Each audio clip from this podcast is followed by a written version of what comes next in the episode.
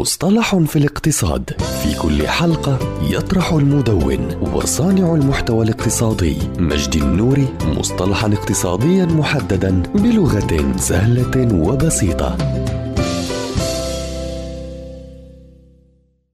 المؤشرات الرائدة والمتأخرة هي أدوات تعمل على تقييم مدى قوة أو ضعف الاقتصادات أو الأسواق المالية، أي أن المؤشرات الرائدة ببساطة تتغير قبل الدورة الاقتصادية أو اتجاه الأسواق، في حين أن المؤشرات المتأخرة تستند إلى الأحداث السابقة وتقدم أفكارا ورؤى حول البيانات التاريخية لاقتصاد بعينه أو سوق بعينها، وبعبارة أخرى فإن المؤشرات الرائدة تقدم إشارات تنبؤية قبل وقوع الأحداث أو الاتجاهات والمؤشرات المتأخرة تصدر إشارات تستند إلى توجه جار بالفعل. ويستخدم المستثمرون والمتداولون الذين يعتمدون على التحليل الفني هاتين الفئتين من المؤشرات بقوة مما يجعلهما مفيدتين إلى حد كبير في تداول الأسهم والفوركس والعملات الرقمية.